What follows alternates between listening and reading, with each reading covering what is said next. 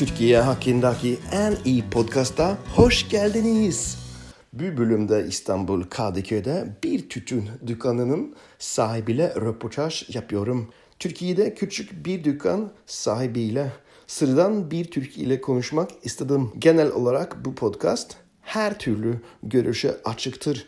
Podcast'ta konuşulan fikirler bana değil, programa katılan kişilere aittir. Keyfini çıkarın. Geliri ne kadar?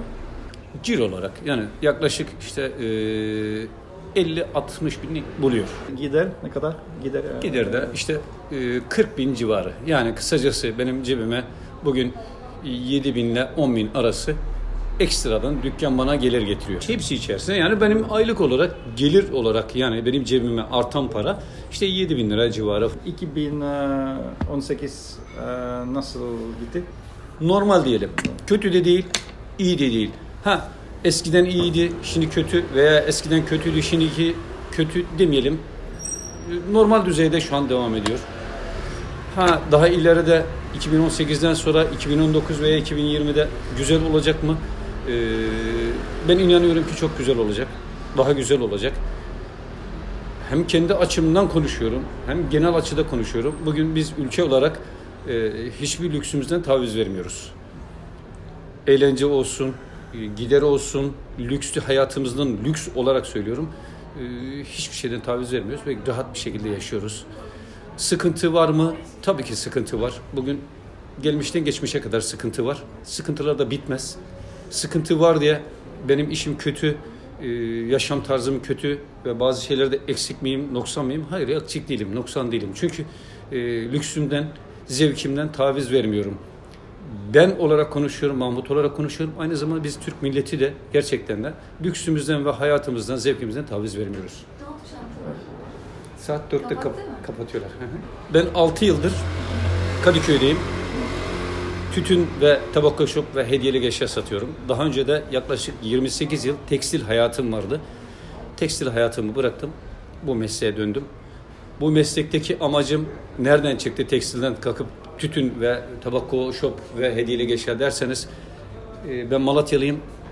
Benim memleketimin e, en büyük gelir kaynağı tütüncülük oraya dayanarak veya kendi bütçemde değil de e, o bir heveslendirdi. Böyle bir ekmek teknesine başvurdum.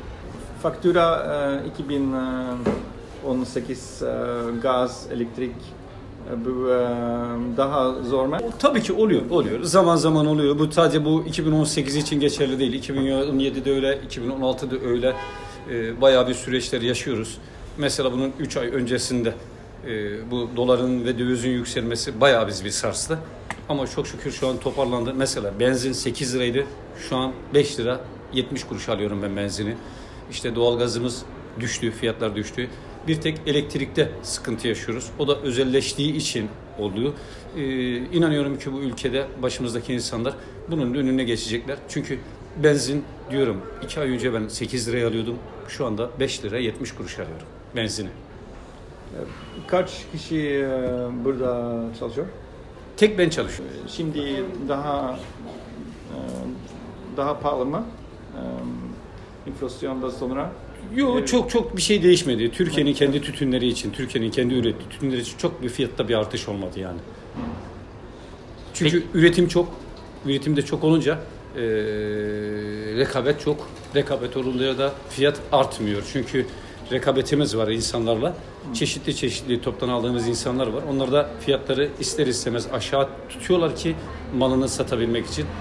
Yok çok da böyle bir fiyatında yani geçen sene olsun, ondan önceki sene olsun, 2016, 2017, 2018 çok büyük bir enflasyonlar bizi etkilemedi. Çünkü kendi üretimimiz olduğu için, Türkiye'nin kendi ürünü olduğu. fiyat yüksek diyorlar. Evet. Bu yasak mı? Legal.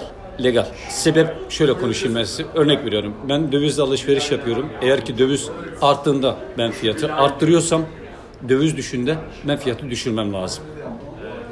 Eğer gerçek bir adaletse, hak, hukuk bir meselesi ise insanlar nasıl dövizin yükselmesiyle fiyatlar artıyorsa döviz düştüğü zaman ben de fiyatı düşürmek zorundayım.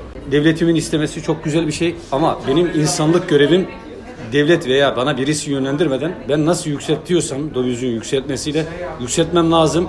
Alçaltıyorsam alçaltmam lazım ki insanlığa güzel hizmet olsun. Devletin de bunu yapması gerçekten doğal, dürüstçe bir şey. Çünkü insanlar fırsatçılık yapmaması lazım. Nasıl? Dediğim gibi tekrar üzerine basa basa söylüyorum. Döviz ile yükseliyorsa döviz düştüğü zaman o ürünü de aynı fiyatta aynı şekilde düşürmem lazım. Eğer ki gerçekten bir ticaret insanı esnafsam eğer ticaret yapan bir insansam bunu yapmam lazım. Ama döviz yükseldi, fiyatı yükseldim, döviz düştü.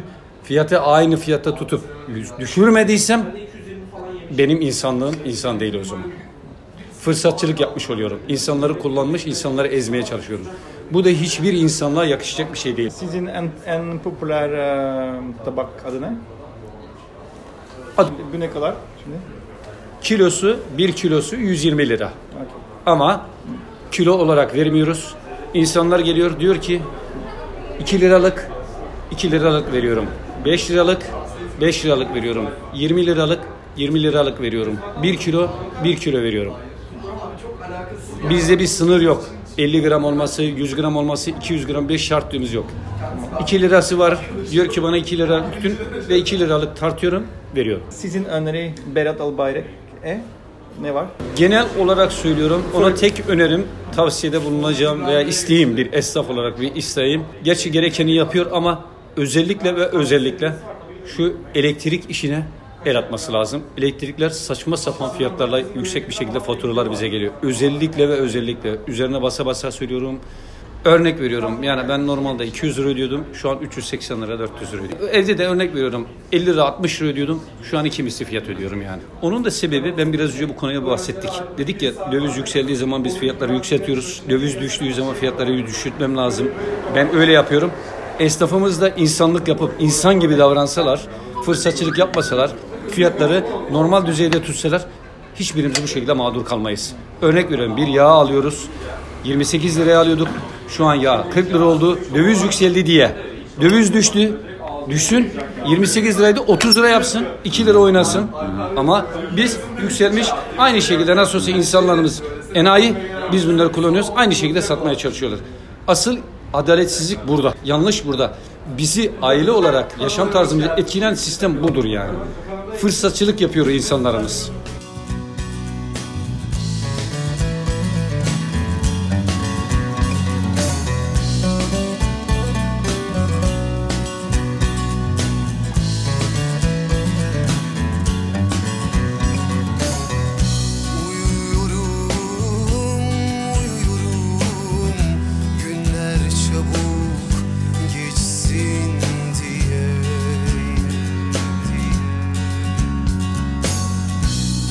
Kadehlere koyuyorum Acımı değil